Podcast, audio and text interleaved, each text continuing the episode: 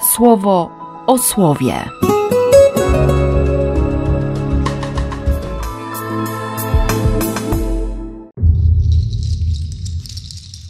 4 maja, środa.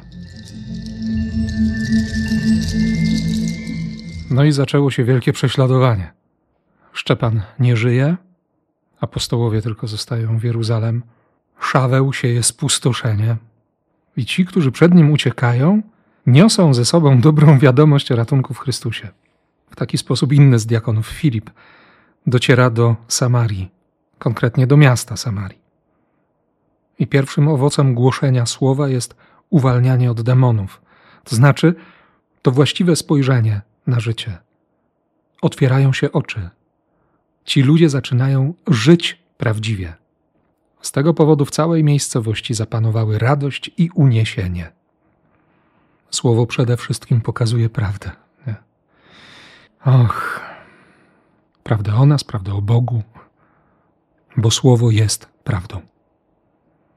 Ale nie zawsze tę prawdę jest łatwo przyjąć. O tym przekonują się słuchacze Jezusa w Kafranaum.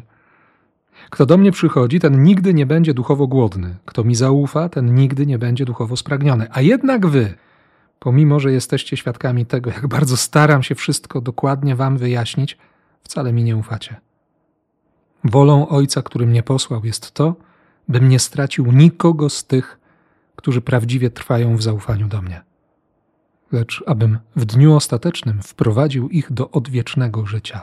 Powtórzę to raz jeszcze. Wolą mego Ojca jest to, aby każdy, kto zaufa mi bezgranicznie, rozpoznając we mnie Bożego Syna, miał udział w odwiecznym i nieskończonym życiu. On mówi prawdę. Taka jest wola Ojca.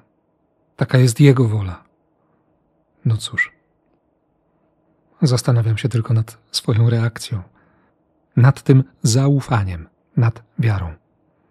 I kolejny raz dziękuję Bogu za Kościół, za to, że, że naprawdę i Ty, i ja mamy szansę dzięki wspólnocie i we wspólnocie przyjąć wiarę, trwać w zaufaniu, odkryć wolę Ojca i żyć. Naprawdę żyć.